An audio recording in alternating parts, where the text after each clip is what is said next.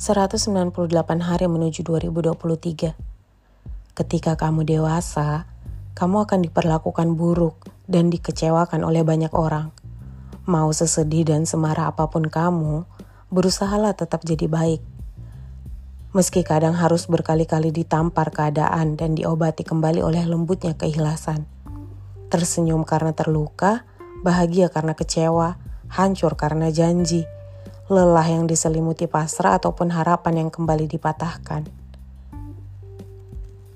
Saya sudah mencapai titik di mana saya tidak tertarik lagi untuk meyakinkan orang tentang siapa saya, apa yang terjadi sebenarnya, dan bagaimana niat saya bekerja. Saya sudah sampai di fase muak dan persetan dengan bagaimana orang berpikir tentang saya. Karena pada kenyataannya, hampir dari mereka semua salah sebab hanya menilai orang dari sisi lain cerita.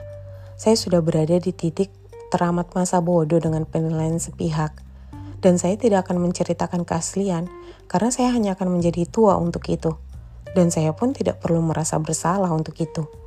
Bagi saya, cukup Tuhan saja yang tahu. Karena ternyata setiap orang selalu mengenakan topeng yang dipilih untuk diri mereka sendiri. Cukup tahu saja, ada macam-macam topeng yang bisa dipilih. Orang tua yang baik, suami yang baik, istri yang baik, pacar yang baik, tetangga yang baik, bahkan teman yang baik. Intinya apa pun yang dianggap baik untuk diri mereka. Tapi apakah itu diri mereka yang sebenarnya? Setiap saat dalam hidup kita, kita diberi peran tertentu. Peran itu bisa saja sukarela kita jalani, atau dengan keterpaksaan. Dan peran itu pun selalu berganti, tak pernah itu-itu melulu.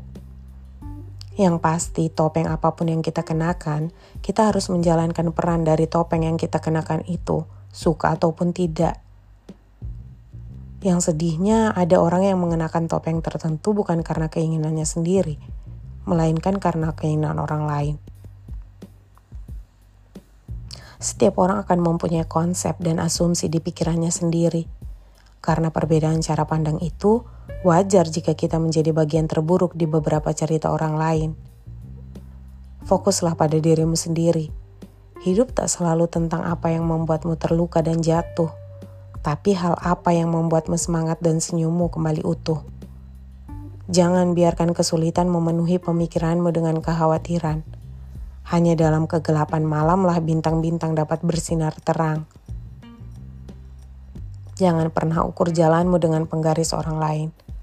Setiap cerita mempunyai alur yang berbeda. Bahkan setiap orang mempunyai lembah dan bukitnya sendiri untuk dilalui. Jika keadaan semakin memberat, itu karena pribadimu tumbuh semakin kuat. Dan jika kau melihat sekelilingmu mempunyai senyum yang indah, itu adalah gambaranmu saat selesai melewati semua hal beratmu. Bahkan mungkin senyummu akan lebih indah nantinya. Berpikirlah positif, tak peduli seberapa keras kehidupanmu.